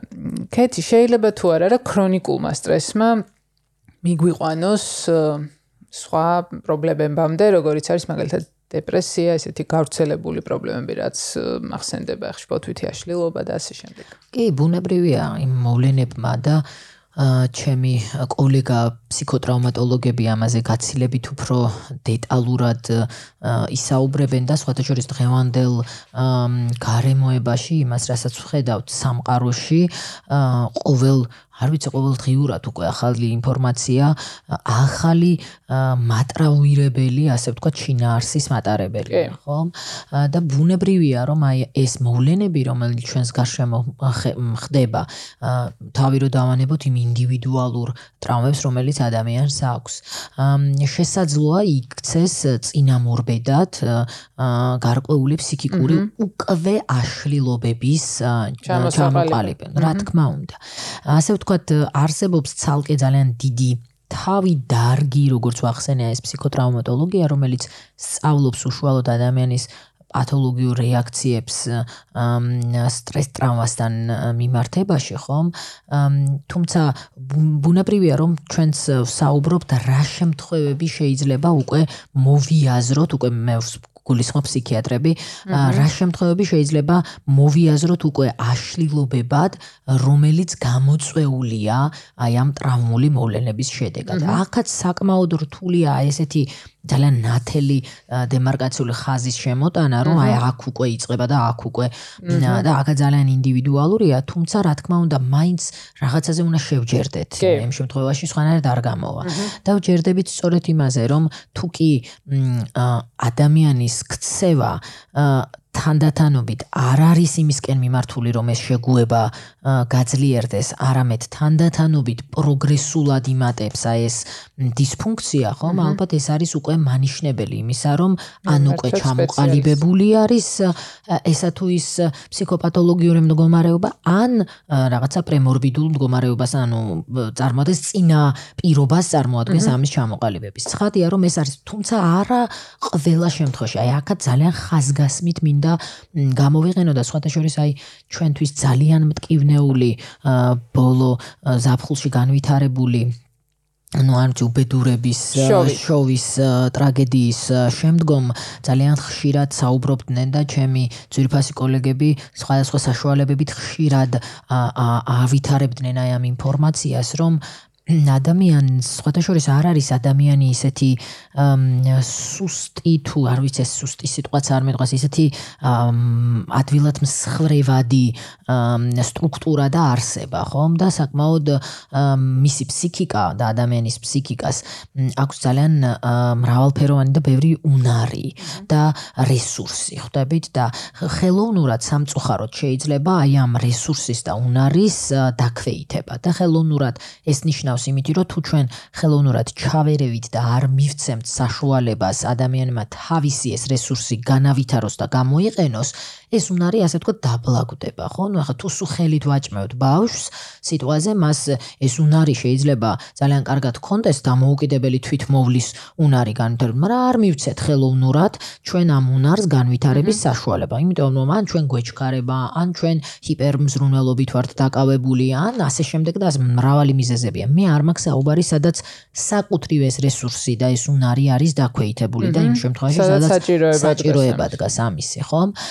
თუმცა აი ამ რესურსს ძალიან დიდი მნიშვნელობა აქვს რომ მივცეთ ასე ვთქვათ სრულად ადამიანს სრულად გამოიყენოს თავისი რესურსი და ძალიან ხშირ შემთხვევაში გასაოცარი არის ადამიანების აი ეს რესურსის სიღრმეც და მასშტაბურობა იმიტომ რომ ძალიან მნიშვნელოვანს და თვითონ ადამიანებსაც უთქვამს უბრალოდ ამისი ესეთი ფორმულირება არ მოუხდენია, რომ იმ დროს, როდესაც ძალიან დიდი სტრესის ქვეშ იმყოფებოდნენ ადამიანები, უმკლავდებოდნენ ისეთ რამეებს და ის რაღაც საკეთებდნენ, რაც მე გამატებითი мотивация რო ეძლევა. რა мотивация უბრალოდ ზალა რო აღმოაჩინე და საჭიროება დგება, რომ საკუთარ თავში აი ეს რესურსი აღმოაჩინო და გამოამჟღავნო. ამ შემთხვევაში ჩვენ სპეციალისტებმა იმის გამო რომ ეს უნდა კარგად გავითავისოთ, მივცეთ ადამიანს საშუალება და ეს შოვის მაგალითი იმიტომ მოვიყვანე რომ განსაკუთრებით მათ შორის აი ამგვარი ტრავმის დროსაც ადამიანს აუცილებლად უნდა მისცეს საშუალება საკუთრივ მისი რესურსის გამოყენებით მოახდინოს ამასთან ადაპტაცია და არ უხეში ჩარევით ჩვენ არ მოვახდინოთ გარკვეული ისეთი ძვრების ინიცირება, რომელიც მე შეიძლება ძალიან დამაზიანებელი იყოს. იმ შემთხვევაში შეიძლება ანესთეზირება მოვახდინოთ გარკვეული განცდების და ბრჭყალებში ერთი შეხედვით ჩვენ დავეხმაროთ ადამიანს. თუმცა სამომავლოდ შეიძლება ზიანის მომტანი ასე ვთქვათ აღმოჩნდეს ეს ადამიანისთვის, იმიტომ რომ უკვე დავაბლაგვებთ როგორც გითხარით აი ამ რესურსს და უნარს. კი, რომელიც ცოტა რაღაც მისტიურიც არის, ხო? ვის რა უნარი აქვს, ვის რა ვინ რა გზას პოულობს, ეგეთ გამოვლ მდგომარეობაში გაცმა არის. არც თვითონ ადამიანმაც ძალიან რთულია ესე ცხადად გითხრ მაშინ როდესაც პირველად ეხა თუ გამოცდილია ამ გვარ სიტუაციებში, თუმცა ამ გვარ სიტუაციებთან ახლა გამოცდა ძალიან რთულია იშვიათად რა თქმა უნდა და ეს მაგალითად ნათელი მაგალითი შეიძლება იყოს და ძალიან ხშირად კვლევისაგან სწორად წარმოადგენენ სამხედრო ადამიანები, რომლებიც მუდმივად იმყოფებიან ასეთ ცხელწერტილებში, ხომ? და მათი შესწავლა და ფსიქოტრაუმატოლოგებისათვის განსაკუთრებით საინტერესო კონტინგენტს წარმოადგენს ეს ადამიანები, იმიტომ რომ აქ უკვე რაღაცა თითქოს გარცხობებია, რა თქმა უნდა, სტრესული ანუ ტრაუმულ მოვლენებთან რეაგირება აქვს და ძალიან კარგი ასე ვთქვათ, მასალა არის უხეშად რომ ვთქვათ შესწავლის. PTSD-ის პოსტტრაუმული სტრესული აშლილობების ამბავი მაქედან იწება თუ თუ სწორად მახსოვს. იცით რა თქმა უნდა ეხა საომარი მოქმედება და უფრო ბუნებრივი აი ეს ტრაგედიები, ასე ვთქვათ, ბუნებრივი კატასტროფები, აი ესეთი და ის ქვეყნები სად რომლებშიც ეს პრობლემები, ასე ვთქვათ, განსაკუთრებით დგას, ისინი არიან განსაკუთრებული მლად დიდი მასალის მქონენი ამ თვალსაზრისით და პრაქტიკულად შესწავლა აი ამ პოსტრაუმული სტრესული აშლილობის, იმიტომ რომ პოსტრაუმული, მოდი აქაც მაშინ ხას ხას გავუსვავ, რომ პოსტრაუმული სტრესული აშლილობა ეს არ არის ძალიან სუბუქ ან ყოველდღიურ მატრაუმირებულ სტრესულ მოვლენაზე საუბარი. ეს არის ისეთ დიახ, ისეთ მატრაუმირებული მოვლენა ითვლება აქ აი ამის გამომწვევად, რომელიც, ну, როგორც ასე ვთქვათ, სიცოცხლისთვის საზიანის მომტანი შეიძლება იყოს, ან რაღაცა ძალიან ძლიერი ძრების მომტანი, ხომ? სახიფათო ყოველ შემთხვევაში. და ნამდვილად აი აქაც ბუნებრივია რომ მნიშვნელობა აქვს რა დროს ჩავერთვებით ჩვენ აი ამ ადამიანებთან ზრუნვაში, ხომ? რომ ვაცადოთ, თუმცა აი როგორც გითხარით, ჩვენ ძალიან დიდი პრობლემის წინაშე ვდგავართ, იმიტომ რომ არ გვაქვს ეს აი დღეს თუ ხვალ, ხომ? აი როგორც საზღვრავთ ამას. კი, არის, ყველგან არის გაიდლაინი, ბუნებრივია, ჩვენს გვაქვს ეს გაიდლაინები, თუმცა ჩვენ თვითონ აი პრაქტიკაში მომუშავე ადამიანები და მათ შორის სხვა სპეციალისტებიც არა ფსიქიატრებზე მაქვს საუბარი, სხვა ამ ფსიქოთერაპევტებზე მაქვს საუბარი, აი სულ სვავთ აი ამ შეკითხვას, რომ აი გვინდა თითქოს რომ შემთხვევა ჩავსვათ აი ამ კონკრეტულ გაიდლაინში და პროტოკოლში, მაგრამ ძალიან რთულდება ეს რა ფსიქიატრიაში, იმიტომ რომ ახალ-ახალი ფაქტორები შემოდის და ძალიან რთული ხდება რომ რაღაცა ერთ მდგენელამდე დავიყვანოთ ეს ყველა შემთხვევა. ამიტომ მაინც ინდივიდუალური მიდგომა. კომპლექსური არსებები ვართ ადამიანები და ჩვენი ფსიქიკაც. კი, კი, კი. ადამიანი ამ შემთხვევაში როგორც მისი ფსიქიკის ასე ვთქვათ არ ვიცი ეკვივალენტი და ვარქვათ განმახორციელებელი ხო? ნუ ფსიქიკას როდესაც ფსიქიკას არ ვამბობთ ხოლმე ჩვენ და ხშირად ვამბობთ ადამიანს. ნუ ადამიანში მხოლოდ ფსიქიკა არ არის მაგრამ ამ შემთხვევაში კი იგივეს გულისხმობთ კეთი დიდი ტრაგედიებიდან ისეთ ყოველდღიურ პრობლემებს რო დაუბრუნდეთ და სტრესებს ჩემთვის მაგალითად ჩემთვის პირადად და ვიცი რომ ძალიან ბევრი ადამიანისთვის და ლოგიკურიც არის ეს ყველაფერი არის ერთ-ერთი სტრესის წყარო ინტერნეტი და მოდი დავავიწროთ სოციალურ მედიამდე, იმიტომ რომ ძალაუნებურად თან რაღაცნაირად მიჯაჭულები ვართ და მგონია რომ ტვინიც გადაეწყო იმაზე რომ ეს ინფორმაცია და უნდა მიიღოს თუ არ ვიცი ავტომატურად ამის მოთხოვნილება გაჩნდა ჩვენში თან ვატყობ რომ ნუ რაღაცა წამებში იმდენი ინფორმაციას ვაწვდი ჩემს ტვინს და თან აქედან უმეტესად ცუდი არის ხოლმე ეს ინფორმაციები, რატომღაც ეგრე დაალაგდა, რომ უფრო ცუდ რაღაცებს ვაზიარებთ ვიდრე კარგებს, ამ ჭარბობს ცუდი ინფორმაციები, რომ ვეღარ ხვდები ხოლმე ეს უკვე სტრესული არის ჩემთვის თუ ნეიტრალური გავხდი, ან თითქოს ემოციების იდენტიფიცირებას ვეღარ ვაკეთებ, იმიტომ რომ იმდენ ნორმალიზდა ეს მდგომარეობა, რომ წამში შეიძლება 10 ცუდი ამბავი გავიგო, როგორ უჭირს მოხუც, როგორ უჭირს ბავშვს, ცხოველს, რაზეც ადრე უფრო რეაქცია მქონდა ხოლმე, ეხლა ვატყობ, რომ აი ვცდილობ, რომ თითქოს დავაიგნორო და ისე გავატარო რომ თითქოს არაფერი, მაგრამ ხვდები რომ ეს ერთგვარი თავდაცვითი რეაქცია არის და ეს ემოციები ალბათ სადღაც მაინც ილექება და მე ალბათ უფრო ცუდი გზებით გამოვლინდება. აი ამ წყაროს რა ვუყოთ? თან საჭიროა ეს წყარო, ხო? რომ ყოველდღიურ ინტერაქციაში ვიყოთ. აი ჰარმონიაში როგორ აღმოჩნდეთ? არის რამე ტექნიკა, რითიც შეიძლება რომ აი ამ ჰარმონიას მივახციოთ, რომ თან ვიყოთ იქ, იმიტომ რომ თითქოს აუცილებელია ჩვენი ყოფნა, რომ არ მოუწყდეთ იმ დინამიკას, რაც არის დღევანდელ ცხოვრებაში, მაგრამ თან უამრავი ნეგატიური ინფორმაციის წყაროა, რომელსაც კაცმა არ იცის მერე კიდე რა ეფექტი ექნება ჩვენზე. ხო ეს არის ძალიან დიდი პრობლემა, ასე ვიტყოდი, იმიტომ რომ და გადაჯაჭულია ერთმანეთთან არაფერი გასაკვირი პრინციპში არც არის ჩემთვის, იმიტომ რომ რატომ ვაზიარებთ მაგალითად უმეტესად სამწუხარო ისტორიებს, ხო? იმიტომ რომ სამწუხარო ისტორიას ადამიანს არ უნდა თავისთვის დაიტოვოთ, მარტივი პასუხი მაქვს ამაზე, ხო? საბედნიერო ისტორიას გაცილებით მეტად იტოვებს თავისთვის, შესაძლოა შორის ამას წინათ ასევე მქონდა ეს მოთხოვნა, ჩემს მე მხოლოდ მაშინ ვარ ხოლმე უფრო აქტ აქტიური, ასე ვთქვათ, სოციალურ ქსელში და სამწუხაროდ თუ საბედნიეროდ უკვე აღარ ვიცი, არ მაქვს ამისი დრო, რომ ვიყო სათან სუმ სუმ იკურს ხოლმე ამ სოციალურ ქსელში აქტიური ადამიანების ამდენი დრო და აქვს ამდენი დრო ესე ტიმ ამ ამ დონეზე ინფორმაცია გქონდეთ და კი ბატონო კი ნუ ზოგისთვის ეს ახლა სამსახურია ეს მესმის მაგრამ ზოგს ალბათ ნუ აქვს ამისი დრო ხო მაგრამ აი ეს გავაზიარე რომ და ეს დრო ჩემთვის არის ხოლმე მაშინ როდესაც ნუ ასე ვთქვათ ჩვეულებაში ვარ და განსაკუთრებით უსავ მოგზაურობ და შეიძლება ვაზიარებ ხოლმე ნუ ის მიღებულ შტაბის ხა შე შედარებითია ნამდვილად, მაგრამ ნუ რაღაცა მიღებულ სტაბილიზებას ბოლოს მქონდა რაღაც იშვიათად თავარ მე ისვიათად გამოირჩევი გარკვეული მოწოდებებით, მაგრამ ბოლოს მქონდა ნუ რა თქმა უნდა ჩემს სივრცეში, პრივატულ სივრცეში მოწოდება ამის, რომ ძალიან გთხოვთ. ნუ დაიშურებთ ამ სასიამოვნო მოგონებებს განცდებს და ემოციებს და ესეც გააზიარეთ, იმიტომ რომ ნუ აი ეს ნეგატიური ინფორმაციის გაზიარება უკვე ცოტა შემაწუხებელია ნამდვილად. თან ყველა ვამბობთ ამაზე, რომ უწუხდებით და კი, მაგრამ ყველა რომ ვამბობთ, ჩვენ ვაკეთებთ და ეს ყველა მე და თქვენ ხო ვართ ეს ყველა რა, ეს ყველა რაღაცა. ეს ყველა რაღაცა ჩვენ გვიყვარს ხომ ეს პასუხისგებლობების სხვა. სვებზე აკიდება.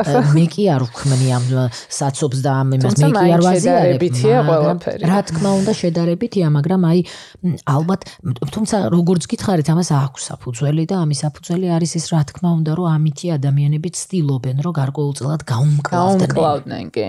ესეც არის ერთგვარი გამკლავების მეთოდი. იქიდან გამომდინარე, რომ დღეს ადამიანს ძალიან უჭირს დროის უქონლობის გამო, თუნდაც და სხვა და სხვა საჭიროებების უქონლობის გამო, მაგალითად თუნდაც იმის გამო, რომ საღამოს მოსული სახლში ისევ ამ საცობის და გზის თავი და ნერვები არ აქვს, რომ წავიდეს სტუმრად, ასე ვთქვათ, ხომ?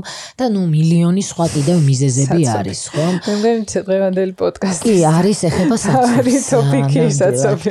ნუ ახლა თუ სტრესზე ვსაუბრობთ, ახლა ეს საცობიც იქვე აუცილებლად დივდივდება. ალბათ იცით, რადგან ეს პირადი ურთიერთობები მათ საკმაოდ იკლო, ასე ვთქვათ, ხომ, სადღაც უნდა გააზიაროს ადამიანმა ეს და აი სოციალური ქსელი აღმოჩნდა ძალიან მარტივი და ყველა სოციალური ქსელის პრაქტიკულად აი ეს დანიშნულება დანიშნულება, დანიშნულება იმდენად არა, უფრო ღირებულება დგას მის სიმარტივეზე. სიმარტი მარტივი უნდა იყოს, ხომ? აი ძალიან პოპულარული არის ეს ახლა ეს პლატფორმა TikTok-ი, ხო? TikTok-ი არის ძალიან პოპულარული უამრავი ადამიანი იყენებს, ანუ უამრავი მომხმარებელი ყავს და სწორედ ამაში არის სიმარტივეში არის მისი, ასე ვთქვათ, ეს ესეთი გამოყენებადობა, ხო? კი, წარმატება, პრაქტიკულად წარმატების ფორმულა, რაც ამ პლატფორმამ მიიღო, ეს არის სიმარტივეში და აი ამ მარტივად სიამოვნების მიღების შესაძლებლობაში, ხო? იმიტომ რომ აი ამ ერთ წუთიან თუ 30 წამიან ვიდეოთი მეც თქვენც ახლა ჩვენც ნამდვილად ნამდვილად იმ ადამიანებს მივეკუთვნებით, ვინც ეხა ნუ ამა თუ იმ პლატფორმას შეიძლება ეს TikTok-ი არ იყოს და სხვა პლატფორმა იყოს, Instagram-ი იყოს, ამას გადამწყვეტი მნიშვნელობა ნამდვილად არ აქვს, მაგრამ მივმართავთ უცებ რომ მივიღოთ რაღაცა მარტივი სიამოვნება, ასე ვთქვათ და ისე ვალიდაცია შეიძლება იყოს ეს ზოგჯერ თან ძალიან საინტერესო საკვლევი რამეა ჩემთვისაც და დაკვირვების ტერიტორია სოციალური ქსელები და ძალიან ბევრი რაღაცების აღმოჩენა. შეიძლება ალბათ ადამიანებზე ნამდვილად ნამდვილად და პრაქტიკულად სულ ნუ ხანდახან ვამართლებ ხოლმე მე მაგალითად შემსავს როდესაც დამიფიქსირებია. კიდევ ერთხელ საბედნიერო და არ მაქვს ამისი დრო და საშუალება რომ ეს ხშირად ვაკეთო მაგრამ ალბათ რომ მქონდეს ნამდვილად მეც იმ ადამიანთან რიქს მივეკუთვნებოდი ეს სხვათა შორის ძალიან საინტერესო ამბავია. უბრალოდ იმიტომ რომ მოცვა მოხდეს ადამიანების სხვათა შორის სხვადასხვა აუდიტორიას. მით უმეტეს მოზარდები მანდარიან ძირითადად კი კი კი. მე ამ შემთხვევაში გამომყენებ ბელ როგორც ამ პლატფორმის გამომყენებელი როგორც უბრალოდ სკროლავი თუ სკროლელი ადამიანი. საუკე სტატუსია. კი, რა თქმა უნდა. თუმცა ნამდვილად დრო რომ მქონდეს შეიძლება უფრო მეტი დრო დამეხარჯა ამაში და ამისი ახსნაც აი როგორც გითხარით მარტივია და ეს ალგორითმებიც ისე არის შექმნილი რომ ბუნებრივია შენთვის იმ კონტენტს ამოგიგდებს ასე ვთქვათ და შემოხატავს რომელიც შენ გაინტერესებს. ყოველ შემთხვევაში შემთხვევაში რა თქმა უნდა ახლა დაუბრუნდეთ აი ამ თემას რომ რამდენად აი სოციალური სივრცე სივრცე სავსეა ძალიან ბევრი მოვლენით რომელიც სტრესის მომტანი დისტრესის მომტანი შეიძლება იყოს. ხადია რომ არა არა შეგვიძლია თავისუფლად ვიხმაროთ სტრესი იმიტომ რომ ზეპირ სიტყვიერებაში ხა სტრესი ითარგმნება დისტრესი რა თქმა უნდა ამიტომ ეხა ეს ვერაფერი ვერ შეცვლის და რაც არ უნდა მოწოდება იყოს იმისა რომ აღარ გააზიაროთ ეს გაზიარება ნამდვილად მოხდება. ანუ რა შეიძლება ადამიანმა გააკეთოს, იმიტომ რომ კითხვა ეს არის, ხომ? როგორ დავიცვათ თავი, როგორ დავიცვათ ჩვენი შვილები. ალბათ იმითი რომ მოვახდინოთ ზომიერე, დავიცვათ ზომიერება და ბალანსი. ეს სიტყვები ძალიან ხშირად არის ჩემი ყოველდღიური პრაქტიკის, ანუ პრაქტიკაში გამოყენებადი სიტყვები, იმიტომ რომ ერთის მხრივ შეიძლება ეს რაღაცა ძალიან მარტივი რამეა, მაგრამ ეს არის გამოსავალი ზომიერად. ჩვენ ვერაფრით ვერ ავუკრძალავთ ჩვენს ტინეიჯერ შვილს, რომ ის მოწყდეს მთლიანად აი ამ სირს. ეს იგივე არის, რაც არ ვიცი, აი ჩვენი მშობლებისათვის რომ აეკრძალათ, მაგალითად, мама ჩემი ყოველთვის ძალიან ისეთი იმითი მიყვება, რომ ყველა კინო, რომელიც გამოდიოდა კინოთეატრში, ნუ არ ვიცი, პირველი რასაც ვაკეთებდით, მივრბოდით და შეიძლება სამჯერ და ოთხჯერაც გვენახათ, ნუ აღარა მაქვს საუბარი იმ ციგნებზე, სიტყვაზე, რომლებსაც უზიარებდნენ ერთმანეთს და აი ხა იმ სიტუაციაში რომ აეკრძალათ სიტყვაზე ადამიანებისთვის აი ეს შემეცნების ეს წყარო. ეს დაახლოებით იგივეა დღევანდელი მოზარდისათვის, მაგრამ ზომიერება არის ძალიან მნიშვნელოვანი, რომ შევაფასოთ, რომ რა დოზით ვიყენებთ აი ამას, ხო? ამის გაკონტროლება პრინციპში ჩვენ შეგვიძლია. საკუთრივ დისციპლინა ჭირდება, ხო? დისციპლინის გარეშე, რეჟიმის გარეშე უბრალოდ, ხო? და გარკვეულწილად ჩვენზე მორგებული რაღაცა გარკვეული სტრუქტურის გარეშე, რომელიც რეჟიმი არნიშნავს, რომ ხისტი უნდა იყოს და ყველას უნდა ჰქონდეს რაღაცა სამხედრო რეჟიმი მაგალითად. ან ყველას უნდა ჰქონდეს აუცილებლად რვაზე უნდა ადგეს და არა მაგრამ რაღაცა სტრუქტურა რაღაცა რუტინა გექნება. ეს ეს ნებისმიერ იმაში და დავარღვევ აქვე იმ სტერეოტიპს რომ მაგალითად შემოქმედებითი ადამიანები რაღაც მიიჩნევიან რომ უნდა იყოს უდისციპლინო ან პირიქით ქაოსში იბადება ეს ესე არ არის ნამდვილად და ჩემი ქაოსში იბადება ვარსკვლავი. კი ჩემი ძალიან ბევრი ვარსკვლავი მეგობარი დამეთანხმება იმ იმიტომ რომ ძალიან ხშირად ქონია ამაზე საუბარი რომ ძალიან დიდი დისციპლინა და შრომა არის საჭირო ნებისმიერ მათ შორის უაღრესად შემოქმედებით პროფესიებშიც კი რომ რაღაცა წარმა არ იყო მართლა აი ძალიან ყოველდღიური სტრესის მატარებელი არ იყოს ეს შენი შრომა და იყოს გარკვეულწილად მართლა სიამოვნების წყაროც ხო? და შედეგის მომტანი იყოს ხო? აქედან გამომდინარე აი ამ დისციპლინას ხო კარგი გაგებით ამ სიტყვის და გავაკეთილშობილოთ უნდა მე მგონია რა ეს სიტყვაც ისევ როგორც ბევრი სხვა სიტყვები ამას აქვს ძალიან დიდი მნიშვნელობა და ასე ვთქვათ, გამოსავლად მე ამას ვხედავ, ზომიერება. ზომიერად ეს შეიძლება ნაკლებად და ეს ზომიერება მე არ უნდა შევთავაზო. ალბათ თვითონ უნდა ადამიანმა შეძლოს ამისი. თავისით ის გარემო, სადაც ამ ზომიერებას დაიცავს. თუ დახმარება სჭირდება, აი ამ შემთხვევაში შეიძლება სხვა ადამიანი ჩაერთოს. ქეთი, სოციალურ ქსელთან ერთად ვახსენებ კიდევ ერთ პრობლემას, რომელიც ჩემი აზრით თანამედროვე ადამიანისთვის ძალიან დიდი გამოწვევარი, ეგ არის აა სამსახურის და მისი პირადი ცხოვრების ბალანსი, work life balance, რასაც ეძახიან. ჩემთვისაც არის ეგ პრობლემა, სავარაუდოდ ჩემთვისაც გარკვეულწილად მანდაც აი რატო არის მნიშვნელოვანი რომ ეს ბალანსი დავიცვათ? ეგ ავხსნათ პირველ რიგში, იმიტომ რომ ზოგი ადამიანი ვერაცნობიერებს ისე მოექცევა ხოლმე ამ რაღაცა მუშაობის მორევში და იმის იქით უკვე ვერაფერს ვეღარ ახერხებს და ვეღარ ასწრებს და ვერ იაზრებს რატომ არის ეს პრობლემური. და მეორე ნაწილი იყოს, რომ აი რა შეიძლება ურჩიოთ ამ მორევში მყოფ ადამიანებს, რომ როგორ შეიძლება იქიდან ამოძრა ერთია, რომ შეიძლება დამსაქმებელი არ გიწყობს ამაში ხელს, თუმცა აი ჩვენ რასაც ვისაუბრეთ, რომ შენით უნდა შეიქმნა ისეთი გარემო რაღაცა თავდაცვითი მექანიზმებით, რომელსაც რომელიც გარკვეულწილად ამ ბალანსს გაპოვნინებს, აი ეს რჩევებიც რო გავაზიაროთ. კი, იცით რა შეფთ საქმე, პირველ რიგში ალბათ მიმაჩნია, რომ იმიტომ უნდა იქნას ეს ბალანსი ნაპოვნი და დაცული, რომ ის საქმე, რომელიც ჩვენ ესე ძალიან გვიყვარს, ამ საქმეს არ ვუღალატოთ, იმიტომ რომ დაამერწმუნეთ, როგორი ერთგულიც არ უნდა იყოს ადამიანი საქმისადმი, თუ ეს ბალანსი არ დაიცვა, მას აუცილებლად შეექმნება პროდუქტიულობასთან პრობლემა. რესურსები ამოწურვადი, ამაზე აღარ ვიცი. ამოწურვადი არის და შეექმნება პრობლემა. მე როგორც ვახსენე საუბრის დასაწყისში, ძალიან მიყვარს ჩემი საქმე და პრინციპში ვიტყვი რომ ჩემი ცხოვრება ცხოვრების ძალიან დიდ ნაწილს წარმოადგენს, მაგრამ თუ ეს გადაიქცევა ერთადერთ და პრაქტიკულად მოიცავს მთელ ჩემს ცხოვრებას და მე არ მექნება არანაირი სხვა არც ინტერესი, არც განტვირთვის საშუალება ასე შემდეგ, მე ვერაფრით ვერ ვიქნები პროდუქტიული და ფუნქციონირე აი ამ ჩემს საქმეში. ანუ საბოლოო ჯამში მე ალბათ გავეყრები, ასე ვთქვათ და ეს განქორწინება ჩემს საქმესთან იქნება ძალიან რთული და ჩემ ჩემთვისაც საზიანო და შეიძლება ამ ჩემი მეორე ნახევრისთვისაც საზიანო, იმიტომ რომ ძალიან კარგი შესაძლოა.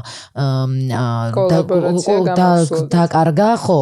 კარგი, არ ვიცი, პარტნიორი თუ კარგი თანა მეწყვილე დაკარგა აი ამ შემთხვევაში. აი ამიტომ ბალანსი არის იმ შემთხვევაში საჭირო რომ თუ ჩვენ თვითონ საქმის ერთგული ვართ, საქმეზეც ვიფიქროთ ხომ და ეს მე მგონი რომ თანამედროვე ყველა და საქმებელს უნდა ესმოდეს და ვისაც არის მის უნდა გავაგებინოთ ეს მისთვის გასაგებენაზე, იმიტომ რომ ეს არის ძალიან მარტივი, რომ თუ უნდა საქმის, იმიტომ პირდაპირ საქმის წარმატებაზე გადის რამდენად ბალანსირებული გაქვს შენი თანამშრომლის, ასე ვთქვათ, შრომის თუ საქმიანობის, ასე ვთქვათ, დრო დრო და რამდენად ბალანსირებულად ცხოვრობს ეს ადამიანი. დანარჩენი ხა პირად ცხოვრებაში, ამიტომ განვაზოგადეთ რომ ეს პირადი ცხოვრება შეიძლება იყოს მისი პირადი ოჯახური ცხოვრება იქნება თუ სხვა ინტერესები იქნება, ეს ისევე როგორც არ შეიძლება პირიქით მოხდეს, ხო? რომ მთლიანად ერთ ნაწილს ამ შემთხვევაში პირად ცხოვრებას დავუთმოთ და მასზე დავაკისროთ. ძალიან ხშირად მაქვს მე ესეთი შემთხვევები, ხო?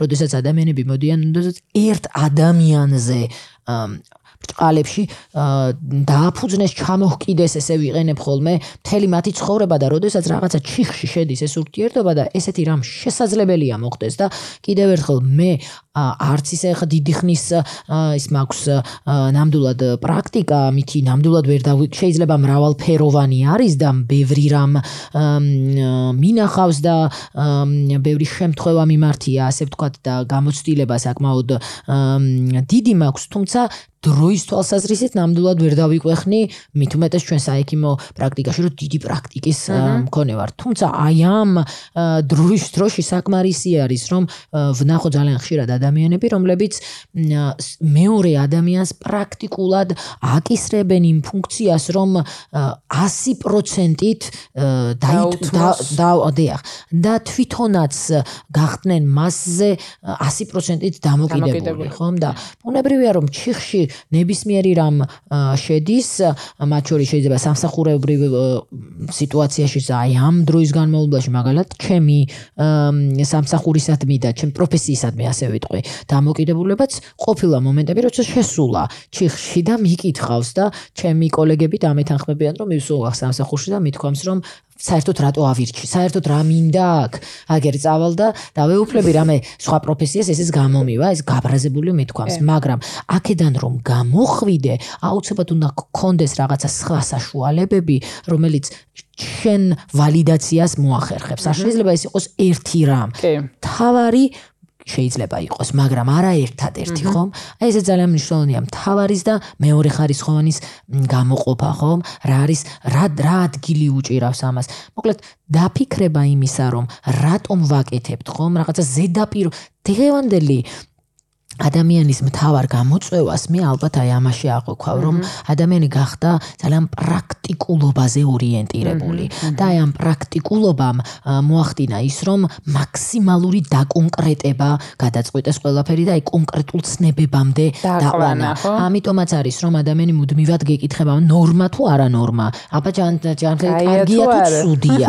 კარგია თუ ცუდია? ეს არის ძალიან პრიმიტიული და ძალიან კონკრეტული ცნებები რომელიც ძალიან დაბალი ინტელექტუალური განვითარების არსებასაც კი ანუ შეუძლია რომ ეს განასხვავოს. ამიტომ ეს განზოგადება ალბათ საჭიროა იმისთვის რომ ჩვენ თავიც დავიცვათ გარკვეულწილად რაღაც სამომავლო აი ამ რომ და სტრესი რომელიც მე მექნება ხო მას უფრო მედეგად დავხვდე ხომ და აი ამ განზოგადებით უნარით და იმითი რომ გამოვყო პირველ ხარისხოვანი თავარი და შევქმნა ჩემი მყარი ღერძი რომ მიუხედავად იმისა რომ მე შეიძლება ვერ ჩამოვყალიბდი კარგ ფსიქიატრად, მე კეთილი ადამიანი მაინც ვარ და ვრჩები კეთილ ადამიანად სიტყვაზე, ხომ და არ დაირღვეს ჩემი პიროვნული ღირებულება იმით თუ დაუშვათ და მე არ გამიმართლა ან ვერ ჩამოვყალიბდი პროფესიაში, ამ პირად ცხოვრებაში ან ასე შემდეგ, ხო? და ამას ძალიან დიდი მნიშვნელობა აქვს და პრაქტიკულად ესეც არის ჩემი რეკომენდაცია, რომ ცოტა ნუ გასაგებია ეს გამარტივება ყველაფრის კი კარგია, მაგრამ ამ დონეზეც არა. გავართულოთ მეგობრებო. გარკვეულწილად რაღაცეები ცოტა უნდა გავართულოთ. კი, მე არც ჩემ ჩემი სუბიექტური გამოცდილება, მაგრამ მეგრე გამარტივება კი არა, პირიქით ძალიან გართულებულად რო აღვქვამ რაღაცებს, ეგ უფრო მე პრობლემებია ხოლმე, იმიტომ რომ ზოგჯერ მაგასაც შეყავ ხარ ჩიხში და ზოგჯერ მიფიქრია რომ ნეტა ესე ცხადი იყოს რომ ეს კეთილია ეს ბოროტია ეს სწორია ეს არასწორია თუმცა ხო ნუ რადიკალიზმი არც არც ისე არც იქით ვარ გადა არც აქეთ ეს ზომიერება და ბალანსი სიტყვა ასაკთან ერთად გონია რომ უფრო და უფრო აი გვიტრიელებს ხოლმე რა ყველაზე სწორი მიმართულება ეგ კეთი ფსიქიატრის როლს მინდა რომ შევეხოთ. რა თემაც არ ყოფილა ჩვენს პოდკასტშიც, რომელიც მენტალურ ჯანმრთელობასთან პირდაპირ თუ ირბად კავშირში არის, ყოველთვის ამას ვცდილობ ხოლმე რომ შევეხო, იმიტომ რომ მიუხედავად იმისა, რომ ამ თემის ირგვლივ ცნობიერება გაცილებით ამაღლებულების ვიდრე ეს ადრე იყო და გაცილებით უფრო აქტუალურია ეს საკითხები დღევანდელ ჩვენს ცხოვრებაში, მაინც ძალიან ხშირად ვაწყდები ხოლმე შემთხვევებს, რომ აი ზოგჯერ გამკვირვებია კიდეც ისეთი ადამიანისგან მომისმენია, რომ არ იცის ფსიქიატრის როლი როდის უნდა ჩაირთოს მის ცხოვრებაში. თან შემიტყვია, რომ ეს რაღაცა შიშები, რომელიც გამოწვეული არის ბევრი стереოტიპისგან ყველაში არსებობს დალექილი არის გარკვეულწილად ზოგში მეტად გამოხატულად, ზოგში ნაკლებად. აა კარგად შენი ენითაც განსაზღვროთ ფსიქიატრის როლი, რა შემთხვევაში უნდა მიუმართოთ ფსიქიატრს? რა არის ფსიქიატრის დანიშნულება? აი, ძალიან პრაქტიკული მაგალითები მოვიყვანოთ. იცი რა, პრინციპში ფსიქიატრის დანიშნულება არის ძალიან მარტივი, რომ ფსიქიკური დარღვევები, ასე ვთქვათ, აღმოაჩინოს, მოახდინოს მისი დიაგნოსტირება. ხო, ესეც არიციან ხოლმე, რომ აი ნევროლოგთან რატომღაც ხო იცი ეს გავრცელებული სტერეოტიპი რა? ნაწილია ამ სტიგმის. ნევროლოგთან მიმართვა არის ნაწილი სტიგმის და გარკვეულწილად სისტემამ შეუწყო ამას ამ სტიგმის გაღვივებას, ასე ვთქვათ. ხელი და ვიტყოდი იმას, რომ პრინციპში წარსულში თითქოს ეს სტერეოტიპი იყო, რომ ფსიქიატრი მაინც მძიმე ფსიქიკურ დარღვევებთან მომუშავე სპეციალისტად აღიქმებოდა და იმისათვის რომ მოეძებნათ სხვა სპეციალისტი ადამიანზე უფრო მშვიდად ეგრზნო თავი რომ მე მძიმე დარღვევა კი არ მაქვს აგერ მსუბუქი დარღვევა მან გადაწყვეტეს რომ ეს მსუბუქი დარღვევების მომლელი იქნებოდა ასე ვთქვათ ნევროლოგი და აი ამიტომაც და ამას ამას ხელი შეუწყო ერთის მხრივ აი ამ არასწორმა რეფერალმა და მეორეს მხრივ საკუთრივ ჩემი ძვირფასი კოლეგებისგან რომლებთან ერთადაც მე წლების განმავლობაში მემუშავებ გულიქოსხმობ ნევროლოგს, ნევროლოგებს, გარკვეულწილად ზოგიერთ შემთხვევაში აი ამ არასწორმა ასე ვთქვათ პაციენტის გაჩერებამ, ხო? და არასწორად დროულად არ გადამისამართებამ, ხო, რამაც პრინციპში აი ეს განამტკიცა ასე ვთქვათ და ძალიან ბევრი მაგალითი არის ამისი.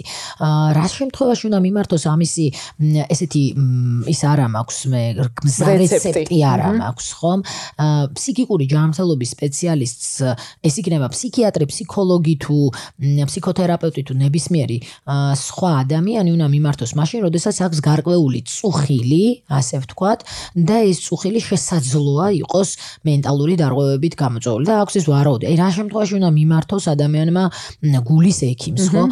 ჯერ ეს ერთი ვისაუბრებ და ქვახსენებ აი ამ პირველადი ჯანდაცვის სკოლს რომელიცაც ვიმედოვნებ რომ მოვა ეს დრო და იმედია რომ მალე მოვა ეს დრო რომელიც სათანადო სიძლიერის და სათანადო რეპუტაციის იქნება. იმიტომ რომ სწორედ ეს რგოლი არის. ადამიანმა უნდა მიმართოს წუხილის როცა ჯანმრთელობის წუხილს ეხება პირველად მის ოჯახის ექიმს რომელიც ეს არის ადამიანი რომელიც პრაქტიკულად ოჯახის წევრია რომელსაც აქვს სპეციფიური სპეციალიზირებული ცოდნა და განათლება ხდება. ნუ აი თვითონ სიტყვაც ამას გეუბნება. იმედია რომ მოვა ეს დრო, როდესაც ადამიანები მიმართავენ ოჯახის ექიმს და ოჯახის ექიმს ეკნება ის კვალიფიკაცია, როდესაც ან დაიწყებს საკუთრივ თვითონ მართვას, ან გადაამისამართებს. მაგრამ თვითდინებითაც ადამიანს შეუძლია აიღოს ეს რისკი, რა თქმა უნდა, აქ ბრჭყალებში, დიდი ბრჭყალები და მიმართოს ფსიქიკური ჯანმრთელობის სპეციალისტ მათ შორის ფსიქიატრს და აღმოაჩენს, რომ თურმე ამაში არაფერი საშიში, სანერვიულო არ არის და დამერწმუნეთ ყველა ფსიქიატრების სახელით თამამად ვიტყვი, რომ თუ ჩვენი პაციენტი არ არის ეს, არც ერთ ფსიქიატრს არ აქვს ის ვნება, რომ აუცილებლად დაიჭიროს ეს ადამიანი და გინდა თუ არა ძალიან ბევრი იმითი, ნუ მე ყოველ შემთხვევაში აი ამ ღირებულებით გამოვდივარ. ხომ და ძალიან დიდი იმედი მაქვს რომ აი ამ ეთიკურ ნორმას აბსოლუტურად ყველა ითვალისწინებს იმიტომ ეს ელემენტარული ეთიკურისა თუ არ სჭირდება ადამიანს არაფერი არ უნდა დაუნიშნო და არ უნდა უმკურნალო ხო? ან ჰიპერდიაგნოსტირება არ უნდა მოახდინო. თუმცა აი ეს რისკს თუ გაბედავენ და მივლენ რამდენი მიმართვა არის არასწორი კარდიოლოგთან, როდესაც ადამიანის გადამისამართება ხდება მაგალითად გასტროენტეროლოგთან ან ნევროლოგთან. ხო, ამაზე ხო ადამიანები არ წუხან, რომ ვაიმე იცი მე არასწორად არ მოვხდა. ასევე არის. ეს ფსიქიატრი უნდა მოხსნათ ამ ფსიქიატრს ეს რაღაცა, ну, ეს მესმის რომ ძალიან რთულია. ბოროტი ნიღაბი და მე რა ვიცი დღემდე რაღაც სასიამოვნოთ, ну, გარკვეულწილად ახლა წუხვარ, მაგრამ სასიამოვნოთ გარკვეული სასიამოვნო ნასიამოვნები რჩები, როდესაც ადამიანები, რომლებიც ძალიან შფოთვი ჩამოდიან, იგრძნობა საუბრის დასაწყისში, აი ეს დაძაბულობა რო შემოდიან და რო იცეთ აი არ მინდოდა მოსვლა, ამიტომ, ამიტომ და აი რო გადიან და თითქოს აი უნდათ ამის გაზიარება და ხშირად ბაძლევ ადამიანს ამის გაზიარების საშუალებას, რომ თურმე არც ისეთი საშიში და ცუდი აღმოჩნდა ეს ვიზიტი. ამიტომ, როდესაც წუხილი არის ამის გადასამოწმებლად, ჯობია რომ დაეკითხოთ სპეციალისტს. აი ეს იქნება ჩემი მარტივი რეცეპტი. კი. კეთი, ძალიან სასიამოვნო არის შენთან საუბარი და მე მგონი რომ გარკვეულწილად ამოუწურავი არის ეს თემა, მაგრამ გავცდით ყველანაირ ზღურს. კი, ასე არის და მე მგონი რომ დავიტოვოთ შემდეგში სასაუბრო რამე და ძალიან დიდი სიამოვნები. ძალიან დიდი მადლობა. გისურვებ ნაკლებ სტრესს ცხოვრებაში და ნაკლებ საცობებს და ყველაფერს სულს რაც ჩამოვთვალეთ. და ბევრ წარმატებას რა თქმა უნდა შენ ასევე დიდი მადლობა და კიდევ ერთხელ ძალიან დიდი მადლობა ინტერესისთვის ეს ერთი და მეორეს მხრივ ამ პასუხისმგებლობისთვის როგორც უდგებით თქვენ აი ამ საქმეს ეს ძალიან დასაფასებელი არის და ძალიან მოკლებული ვართ ამ სიამოვნებას ჩვენ სპეციალისტები როდესაც ადამიანი ასეთი პასუხისმგებლობით და მომზადებული ყოველ შემთხვევაში ხდება და ჩვენი საუბარიც რა თქმა უნდა უფრო სასიამოვნო ხდება. დიდი მადლობა. ძალიან დიდი მადლობა და დროებით. დროებით თქვენ უსმენთ საინტერესო პოდკასტს. პროექტის წარმოდგენია საქართველოს ბანკი.